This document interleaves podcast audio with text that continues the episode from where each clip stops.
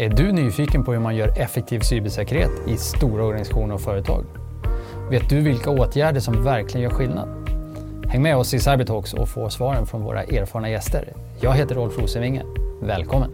I dagens avsnitt blir Rolf intervjuad av Michel Torlén från Paliscope. De samtalar om den CISO-rapport som Paliscope har släppt och som bygger på intervjuer med ett stort antal CISOs. I avsnittet berör de bland annat hot, förmågor, budget och andra viktiga insikter för en CISO 2022.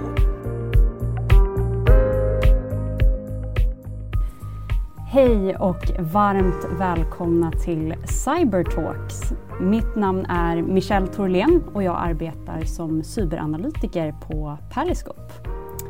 Och I detta avsnitt så ska vi träffa Periscopes grundare och VD Rolf Rosenvinge. Välkommen! Tack! Vad roligt att sitta på den här sidan. Ja, men visst. Det har jag faktiskt inte gjort förut. Nej, vi kör omvända roller idag. Det gör vi. Ja. Och I det här avsnittet ska vi eh, prata lite om den SISO-rapport som vi precis har släppt. Vad som framkommer i den, lite spaningar framåt och insikter framför allt i vad det innebär att vara SISO 2022. Ja, och det är lite därför vi kanske byter plats också. Det känns lite ovant att sitta på den här sidan, mm. men det var väl dags. Vi har gjort Cybertalk i två och ett halvt år. Eh, men det är faktiskt första gången jag sitter på den här sidan och får förbereda mig som gäst. Eh, men det stämmer, vi har gjort den här eh, någon gång förut. Det här är andra gången vi släpper den. Eh, det, är, det, är, två och ett halvt år sedan förra gången. Eh, och det är ganska spännande att se liksom, förflyttningen där. Och, ja, det ska bli roligt att få, få prata om, om vad vi har hittat. Mm. Superkul. Vi kan ju inleda lite eh, med vad en CISO-rapport faktiskt är eh, och varför vi har gjort den. Vad det fyller för syfte. Yes.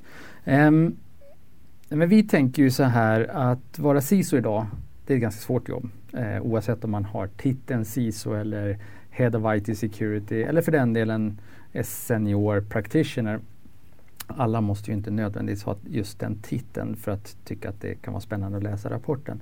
Men lite grann, var befinner vi oss? Eh, vart är vi på väg? Hur, hur bra går det? Hur går det för andra? Och få framförallt lite benchmark. Eh, och sen ser vi också att det mm, vi har egentligen intervjuat ett ganska stort antal eh, CISOs i Sverige men nästan alla har, eller alla har nog internationella operations. Eh, de flesta har globala operations. Så det är, de vi har intervjuat är storbolag, det är ganska erfarna CISO som har jobbat länge med våra frågor och i en ganska stor organisation. Um, men vi tycker att det är intressant att göra det utsnittet för att se lite grann var den gruppen har, uh, har förflyttat sig sen, förra gången. Um, så att um, vi kommer ut med den idag faktiskt. Eh, och eh, den finns sen för allmän nedladdning, eh, nedladdning. Men jag hoppas att vi kan hitta några, några highlights här att prata om. Ja, men spännande. Vilka slags frågor är det vi har frågat till SISOS och inom vilka områden egentligen?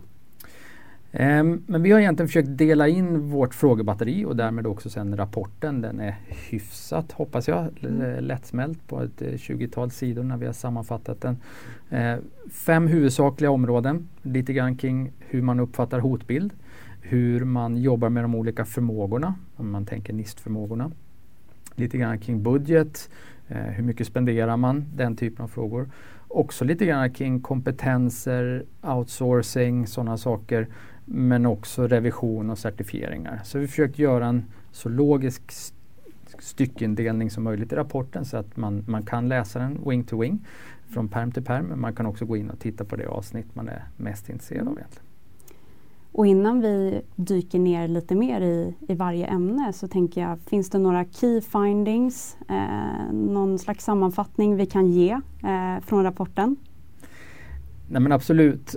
Um, och det finns olika sätt kanske att uttrycka det där men ett sätt att uttrycka som vi också mm, tar upp i rapporten att man skulle kunna säga att vi är halvvägs framme. Uh, och med det menar vi ju att uh, om vi jämför med förra gången vi gjorde rapporten så kan man se en stor förflyttning på många områden. Både rent förmågemässigt men också hur SISorna rapporterar eller deras standing i organisationen men också hur mycket man spenderar, hur ofta man pratar med styrelser och så vidare. Eh, de flesta av de här stora bolagen har ju tagit stora kliv under de senaste två och ett halvt åren. Eh, men det har ju också den fortsatta digitaliseringen att göra och det är det vi menar egentligen att eh, om digitaliseringen kanske fick en liten headstart och säkerhet har fått spela lite grann, försöka komma ikapp, eh, så har man jobbat väldigt hårt ser vi och mm. kommit en god bit på väg. Eh, men det finns fortfarande ett antal förbättringsområden och, och, utmaningar kvar och det är därför vi refererar lite grann till halvvägs där. Mm. Kan vi ge en liten sneak peek på vad dessa förbättringsområden är? Nej men absolut. Jag skulle påstå egentligen att vår konklusion är att den är nog ganska man, man behöver fortsätta utveckla sig inom alla områden. Mm. Man behöver stärka sin förmåga att prata med management och översätta säkerhet till finansiella termer. Mm. Man behöver fortsätta att bygga ut organisationen på många ställen. Um, man behöver definitivt fortsätta att investera i ett antal av förmågorna. Vi kommer nog prata om, om dem lite granna. Um, och, och man kommer så att säga behöva fortsätta göra sig redo för det man ganska mycket redan lever i med mm. revisioner och certifieringar och så vidare. Mm. Yes. Tänker, ska vi, ska vi hoppa in lite på de olika områdena? Det gör vi. Ja. Och till att börja med om vi också utgår lite ifrån hur rapporten är strukturerad eh, så började vi också med att fråga frågor om hotlandskapet. Och vad kan vi se här hos hur CISO svarar egentligen. Vilka är de största hoten som de har identifierat och hur utformar man också sin verksamhet utifrån de hoten? Yes, um, och det är ju precis som du säger. Jag tycker att det är viktigt att säga att det här så som vi har frågat och så som CISO mm. svaret är ju hur de upplever. Mm. Um, så att det, det handlar ju väldigt mycket om upplevelsen. Men å andra mm. sidan är ju upplevelsen också jäkligt viktigt för det är utifrån den upplevelsen och de datapunkterna som de har för att bilda sig den uppfattningen som de sen formar sina program. Mm. Um, och eh, kanske föga förvånande så är det fortfarande ransomware som är den yeah. dimensionerande hotbilden för väldigt många. Jag tror att 63 procent lyfter fram det mm. som den största, största hoten. Um, vi har ett antal bubblare som, men som ändå ligger ganska långt bakom. Jag tror att 11 procent svarar insiders threat 11 procent svarade eh, DDoS-attacker. Kanske lite förvånande så är det bara neråt 5 procent som lyfter fram risken kring, specifikt kring zero days och, mm. och eh, för den delen supply chain också. Så att egentligen kan man väl säga att eh, jag tror att vi alla har uppfattat hotet kring ransomware. Vi har aktivt jobbat med det. Alla stora mm. organisationer har jobbat med det hotet ganska systematiskt. Mm. Eh, men det är fortsatt det som man dimensionerar sina program för. Mm. Det är det man håller upp så att säga, sina prioriteringar mot. Och det är ganska tydligt. Så att, eh, klart övervägande majoritet säger fortfarande ransomware. Och det tror jag vi kommer få leva med ett tag till. Mm, absolut. En intressant finding som, som jag såg när jag eh, tittar på den här rapporten det är att det finns som en liten uppdelning i två läger ifall vi eh, kollar på framtidsspaningar. Där vi har en del CISO som svarar att eh, nej, men det kommer se rätt stabilt ut utifrån hotlandskapet. Det vi har sett eh, innan kommer fortsätta framåt. Eh, Medan en annan del svarar att nej men vi kommer se ökad aktivitet, eh, ett ökat hotlandskap eh, och det kommer hända mycket mer. Det tyckte jag var en intressant iakttagelse. Och det speglar väl också det vi står inför. att mm till skillnad från en del andra typer av verksamheter så det vi som säkerhetspractitioners eller CISOs eh, som vi pratar om i den här rapporten, det vi hanterar är ju en dynamisk verklighet mm. som mm. faktiskt ändrar sig. Mm. Eh, det är inte ett, liksom ett rakt byte av ERP-system. Vi har någonting mm. och så byter vi ut det mot ett, ett annat som är mm. 10% bättre. Utan vi mm. hanterar hela tiden en massa osäkerhet egentligen. Och, och, det ska bli väldigt spännande att se var hotlandskapet tar vägen. Mm. Nu när jag ändå tycker att man kan se att en hel del resurser eh, verkar vara ianspråktagna eh, på rysk sida i, mm. i kriget eh, med Ukraina.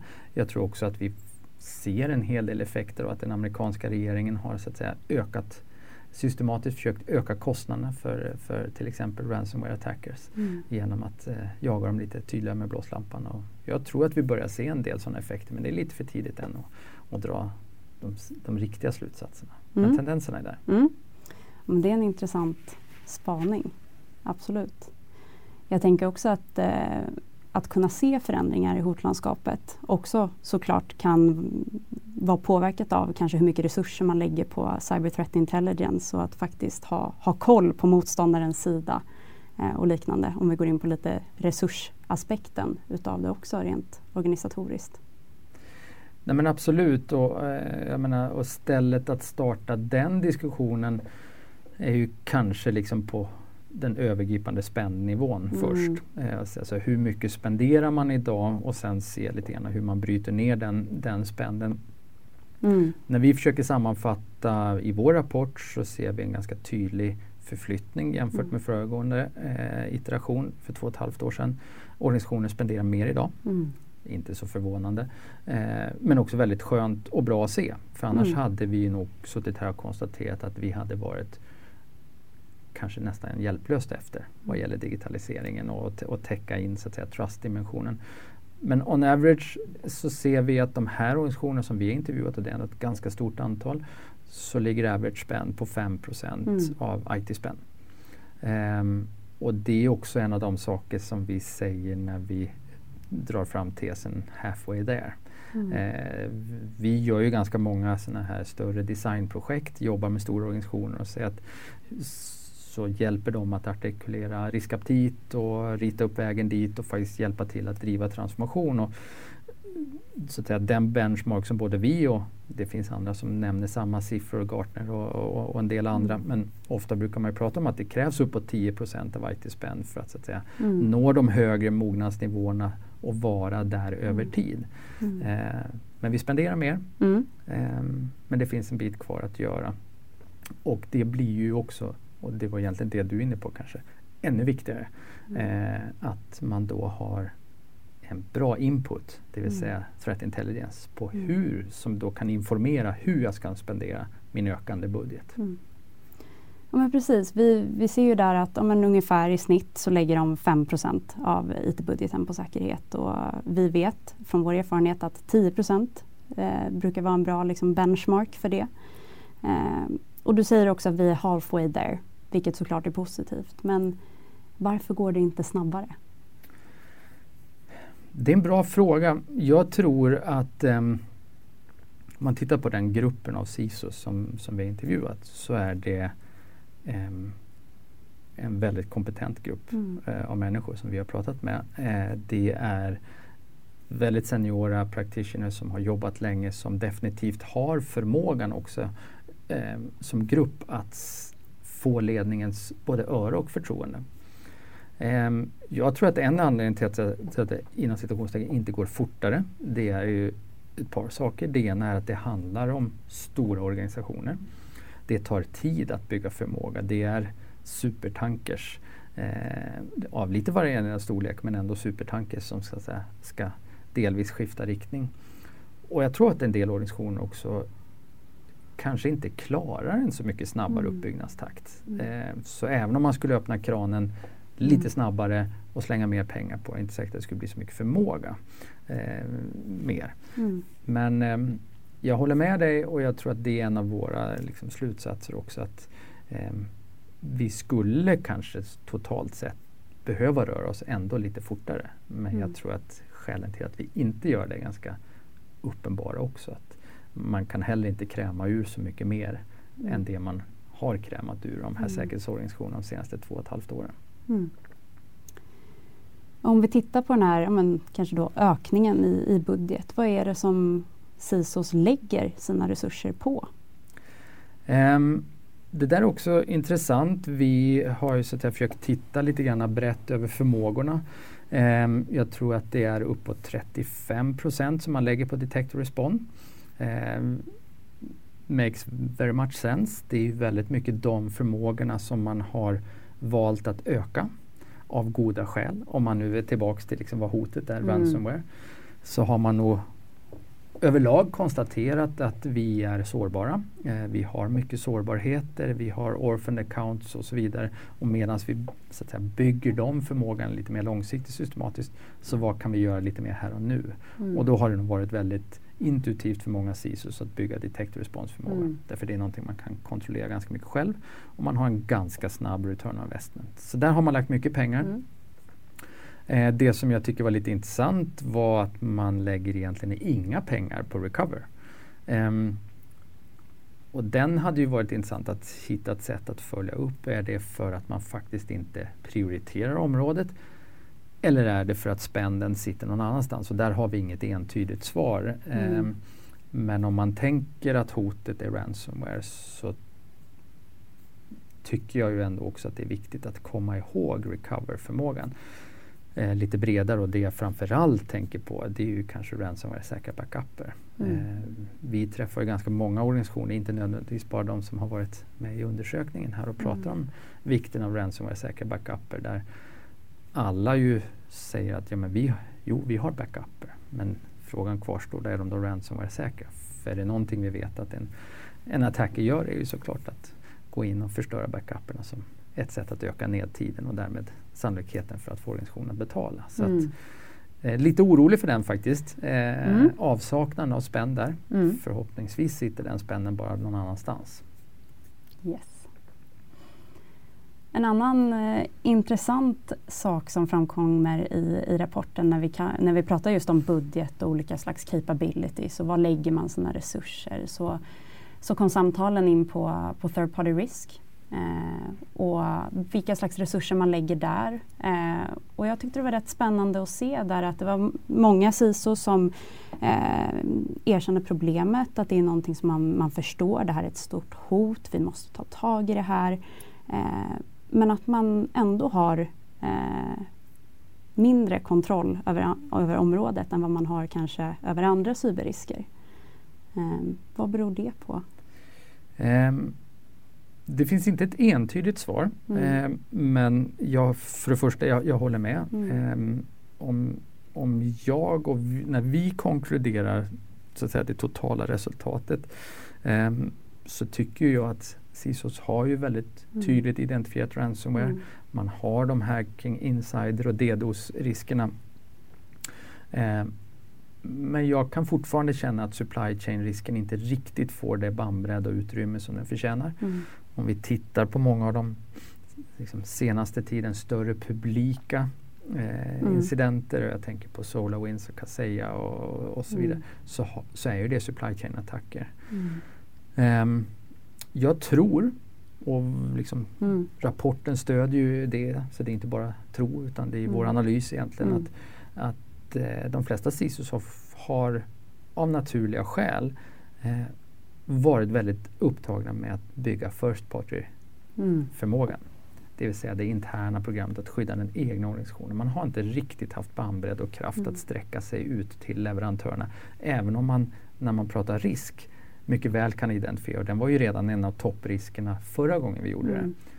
Men det vi kan se är ju att man faktiskt har haft svårt att flytta fokus, headcount, effort och pengar mm på att hantera third party eller supply chain risk än. Vi, vi är lite grann i början, tidigt på vågen där samtidigt som attackerna är redan här. Så att är det någonting som jag skulle vilja lyfta fram när vi, som resultat av vår analys så tror jag att det börjar bli bråttom. Mm. Eh, det börjar bli bråttom att orka eller få skaffa sig bandbredd, att fokusera mm. på tredjepartsrisk bortanför de här traditionella questionären som faktiskt många nämner att de gör mm. och så vidare, vilket äger sin plats. Men, mm. men man behöver nog göra mer för att kontrollera den här risken. Mm. Men om man sitter nu och, och, läser den här rapporten och man eh, instämmer i det du säger och, och känner igen sig eh, i det. Vad är dina bästa tips på att faktiskt börja ta tag i third party, third party risk? Men ett par olika saker som vi brukar rådge kring. Det ena är ju att man måste bli överens om vilka ens kritiska leverantörer är. Mm. Det är ju lite grann startpunkten. Många organisationer har gjort någon form av kritikalitetsscoring. Mm. Ehm, ofta så är det kanske sourcing eller, som har gjort det och då är det kanske ofta baserat på spend mm. eh, snarare än på confidentiality, integrity och availability för mm. verksamheten. Så att en CIA-scoring av leverantörsdatabasen är, är ganska viktigt ställe att starta. Eh, där kan man gräva ner sig ganska länge. Men där tror jag det är viktigt att, så att säga, ta en, en mer iterativ approach så att man kommer igenom och får ett resultat, ett första resultat ganska snabbt. Mm. Sen därifrån så tror jag det är viktigt att jobba med en tiering där man säger att de som är allra mest kritiska för oss, där behöver vi liksom göra mer än årliga data center audits eller eh, skicka questionnaires. Så, menar, vi pratar ju ofta om mm. continuous monitoring. Att man faktiskt måste se hur de här mest kritiska leverantörerna performar. Inte bara en gång om året utan hela tiden. Och genom att hitta de där trenderna när man ser att de har ju faktiskt situation de är snabba på att hantera leak credentials eller nya sårbarheter. Då blir man ju trygg och kan rapportera det som, i sin övriga riskrapportering. Mm. Eller så kommer man att upptäcka att några av de där som man trodde var riktigt bra faktiskt är ganska långsamma och har dålig egen situation mm. awareness. Det kan vara ett oerhört, tror jag, nyttigt sätt att, att börja jobba med den här risken. Mm. Ja, men tack. Eh, jag tänker att vi, vi går in eh, vidare eh, till nästa område i rapporten där vi pratar om executive management, anställda men även outsourcing Eh, av olika IT-säkerhetstjänster. Eh, det finns mycket intressant att hämta här i den här delen. Eh, om vi kollar till exempelvis på outsourcing av, av säkerhet så ser vi att mycket läggs på SOC Eh, och det kopplas ju även rätt bra ihop med det vi såg på Detect, eh, den ökade budgeteringen inom Detect också. Jajamän, och det är ju på ett sätt tycker jag ganska tydligt när vi, när vi gör analysen i rapporten att det är ju också eh, där det kanske har varit lättast för leverantörssidan att tjänstepaketera. Mm. Samtidigt som det har funnits en willingness att spendera mm. på CISO-sidan. Mm. Och därför har det varit ganska så snabb förmågeuppbyggnad under de här två och ett halvt åren inom det här området. Så jag tror att vi säger att 56 procent har outsourcat sin SOC. Eh, jag tror det är 11 procent totalt sett som inte har någon outsourcing överhuvudtaget. Och den är ju också lite intressant. Att, eh, jag tycker att vi ser ganska tydligt att rörelsen, och även när vi pratar med SIS, att rörelsen mot att våga sourca mer är ganska tydlig.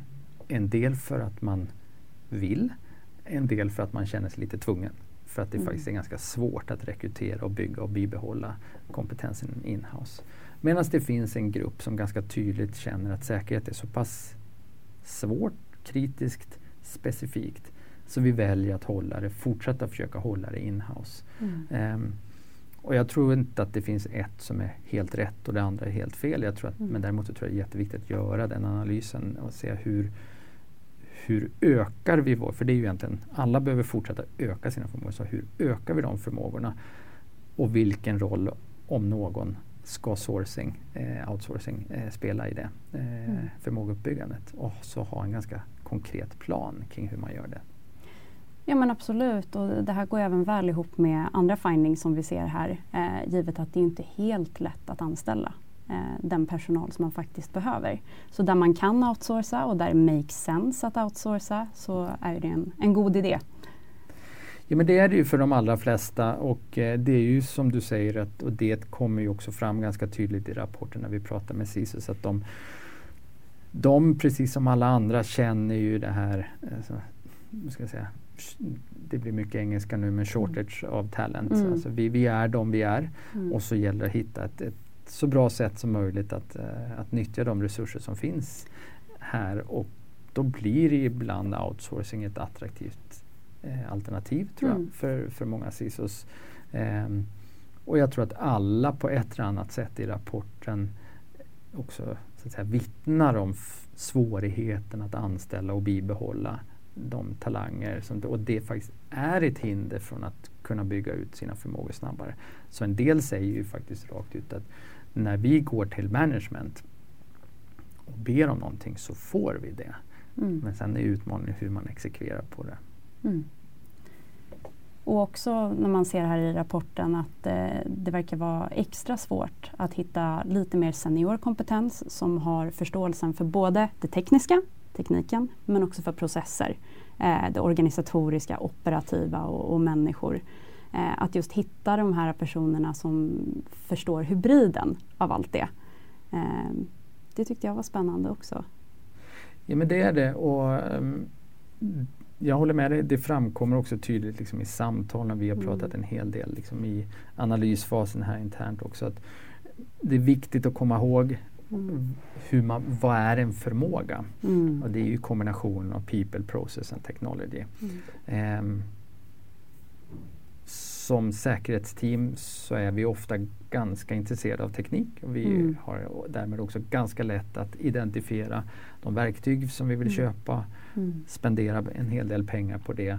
Och jag ska inte säga glömmer bort för det tycker jag är för starkt för det är mm. inte alls det det handlar om. Men man kanske det, det, är också mycket svårare att mogna processerna mm. och, och, interaktioner med andra team och, och så mm. vidare.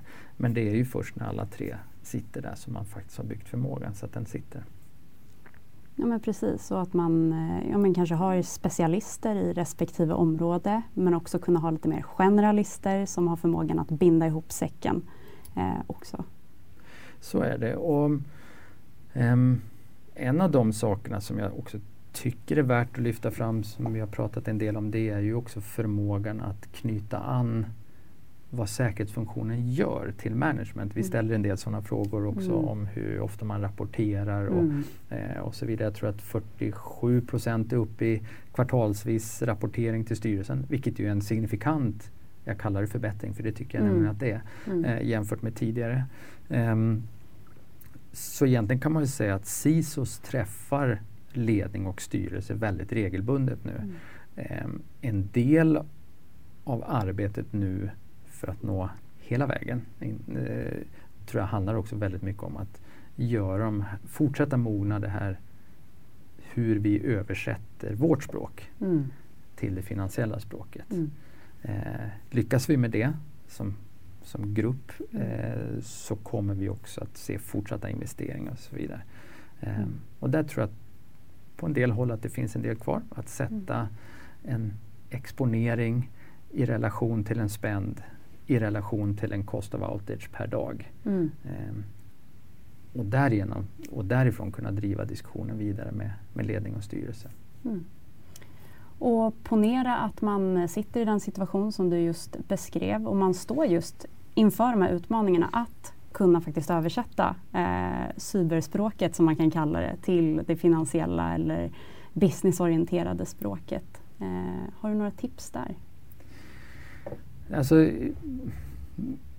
jag tror att det bästa tipset som det handlar ju om att, att um, det är några olika saker tror jag som måste till.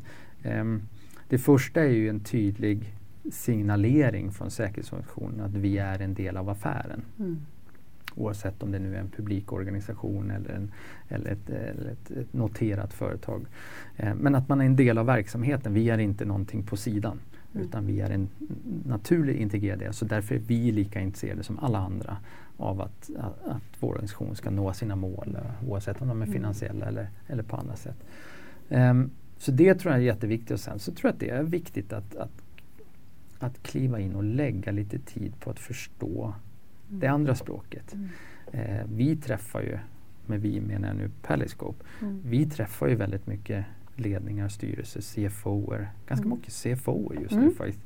Um, och de är lite frustrerade en del av dem. Mm. De, de så att säga, tycker ju ibland att de har öppnat dörren för säkerhetsfunktionen. Mm. Och så kommer det fortfarande lite för mycket cyberlingo tillbaks.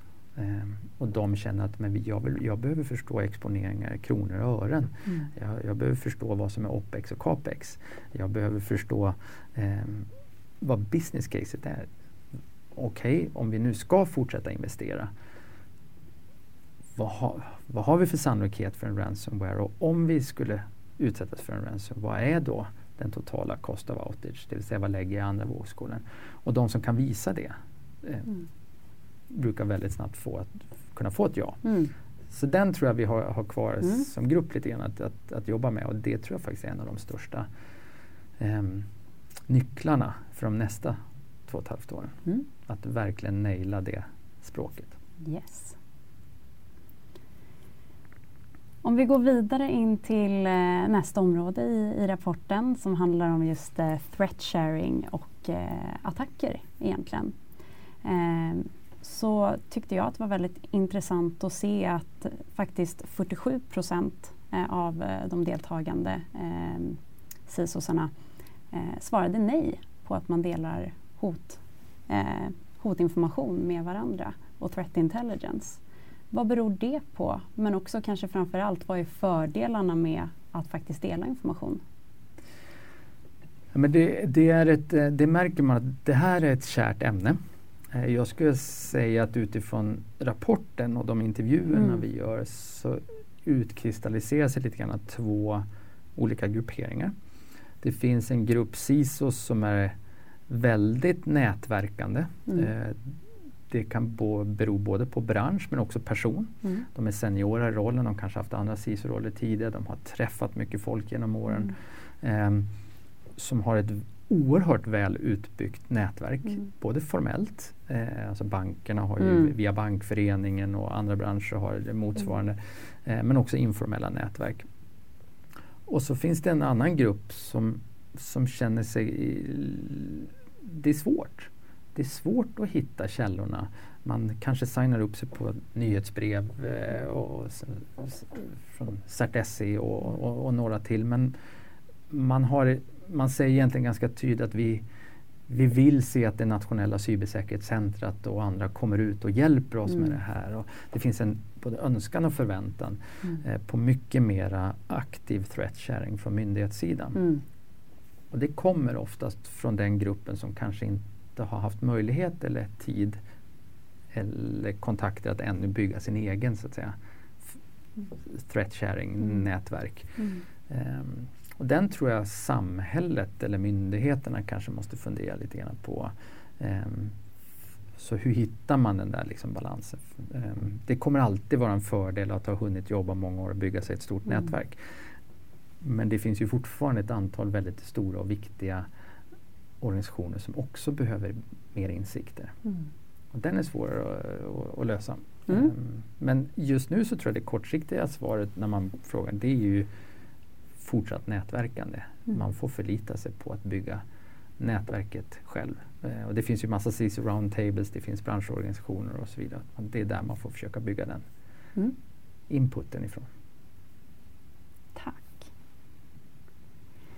Nästa ämne är audits och eh, certifieringar.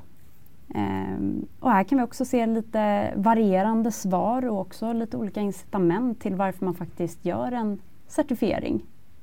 Yes. Um, jag tror att i rapporten så konstaterar vi att 17 procent har certifierat eh, hela eller delar av organisationen. Eh, är det en låg eller en hög siffra? Jag tror att det är en ganska förväntad siffra. Mm det som jag tyckte var intressant när, när man hör SISOs berätta är att många ser certifieringar egentligen inte som ett säkerhetsinstrument utan mer som ett kommersiellt eh, instrument. Det vill säga det är det primära anledningen till att certifiera sig är snarare för att kunna att organisationen ska kunna vinna flera upphandlingar eller vara mm. relevant i andra sammanhang och, och så vidare där, där certifiering krävs. Mm. Eh, relativt få CISO som lyfter fram behovet av certifiering för egen skull, alltså för den interna mm. Eh, så att säga, orsakerna. Um, så där skulle jag påstå att vi står lite grann i ett vägskäl. Eh, mm. Jag tror att slutsatsen av intervjuerna i rapporten är att många CISOs är lite tveksamma. Mm. Eh, skulle kanske föredra att få spendera pengarna på förmågeuppbyggnad mm. snarare än ledningssystem. Mm. Eh, samtidigt som alla förstår att vi behöver också ha en spårbarhet i det vi gör och bygga ihop det och kunna visa upp för andra. Och man, det är lite tvegat svärd upplever man tror jag. Ja men precis, också om vi, vi kopplar tillbaka det här faktiskt till det vi pratade om innan på third party risk. Vad, vad är det traditionella sättet att hantera tredjepartsrisker mm. på? Ja men det är questionnaires, det är att fråga om certifieringar, att faktiskt kunna visa upp någonting.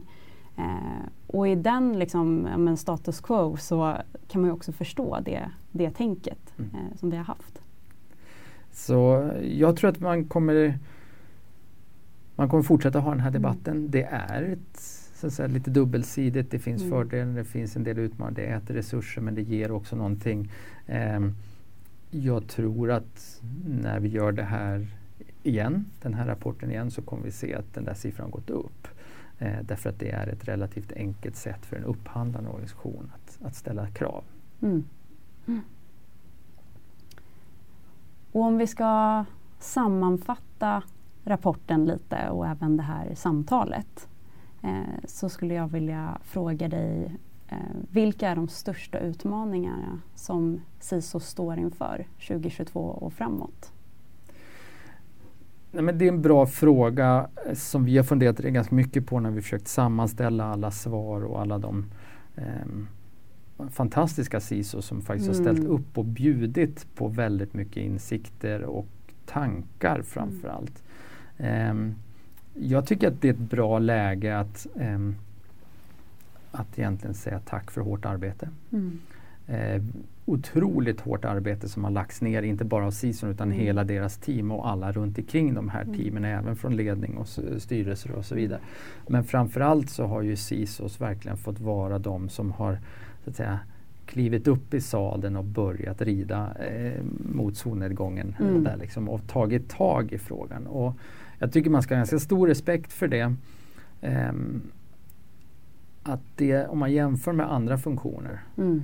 eh, enkelt att göra en jämförelse på ett sätt med, med en finansfunktion så är det en funktion som byggdes för ganska många år sedan, 20, 30, 40 mm. år sedan.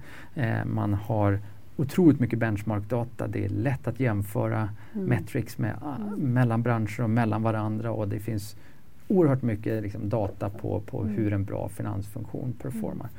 Um, nu ber vi egentligen säkerhetsfunktionerna att mm. göra en motsvarande förmågeuppbyggnad fast under komprimerad tid mm. samtidigt som hotet är akut. Sårbarheterna är ganska uppenbara mm. eftersom vi har drivit digitaliseringen samtidigt som strålkastarljuset mm. från regulators, styrelser och ledningar är på. Så lite grann kan man säga att vi har knuffat ut sisorna i manegen, mm. tänt alla lamporna och så ska man dansa. Um, och det, det är ett svårt jobb. Jag skulle mm. påstå att vara CISO är faktiskt bland de svårare jobben man mm. kan ha idag.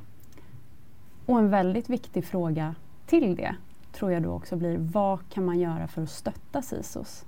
Eh, I sin organisation, eh, i sitt team, kanske som konsult som jobbar ut emot CISOs. Vad, vad, kan man göra för att stötta upp och faktiskt vara med på den här resan och göra jobbet lite lättare? Um, Nej, men jag tror att det är en kombination av många av de saker vi, vi, har, vi har pratat om. Mm. Um, jag tror att en av de viktigaste sakerna man kan göra oavsett om man sitter i säkerhetsorganisationen mm. som anställd eller inhyrd eller för den den befinner sig utanför säkerhetsorganisationen. Mm. Det är att ha lite grann respekt för uppdraget. Eh, Rom byggdes inte på en dag som man säger. Eh, det går att gå in i vilken organisation som helst och hitta ett antal saker som ännu inte är adresserade, risker som inte fullt kontrolleras och förmågor som ännu inte riktigt är på plats eller processer som inte mm. sitter. Men jag tror att det är viktigt att zooma ut igen och titta på förflyttningen som har skett och den förflyttning generellt sett som har skett sedan vi gjorde den här CISO-rapporten för två och ett halvt år sedan mm. är signifikant. Ehm, nödvändig mm. på grund av ransomware-hotet som mm. framförallt har drivit den. Ehm, men signifikant. Mm. Och det är onekligen ett imponerande arbete eh, som vi har fått bevittna. Tack så mycket Rolf för att du delar med dig. Och om man nu är väldigt intresserad av att läsa den här rapporten, jag vet att du nämnde det i början men det kan vara bra att avsluta med också. Vart, vart hittar man rapporten? Eh, rapporten kan man ju till exempel hitta hos oss på webben, eh, mm. på periscope.com. Eh, så går den att eh, hämta ner där. Mm. Ehm, och det går ju bra att höra av sig också om man, om man vill ha mer detaljer än mm. så. Eh, så kan vi säkert ordna det på något sätt. Den är inte jättelång. Eh, vi har försökt kondensera en fantastiskt arbete av, av vårt analytikerteam. Eh, jag är ju egentligen bara här och summerar arbetet egentligen. Eh, jätteglad att vi har kunnat släppa den. Det finns inte så många sammanfattande rapporter på det sättet. Så att, eh, eh jag tror att den är värd, är värd att glutta på. Man måste inte läsa den från perm till perm. Det går att göra. Vi har försökt strukturera kapitlen men eh, eh, värt att läsa. Mm. Tack Rolf, så hoppas jag att vi ses i ett liknande samtal när nästa rapport släpps. Det gör vi säkert. Ja. Tack för att jag fick komma i den här settingen. Ja men precis. Tack Rolf. Podden är ett samarbete mellan Orange Cyber Defense och Paliscope och spelas in och klipps på Om Media.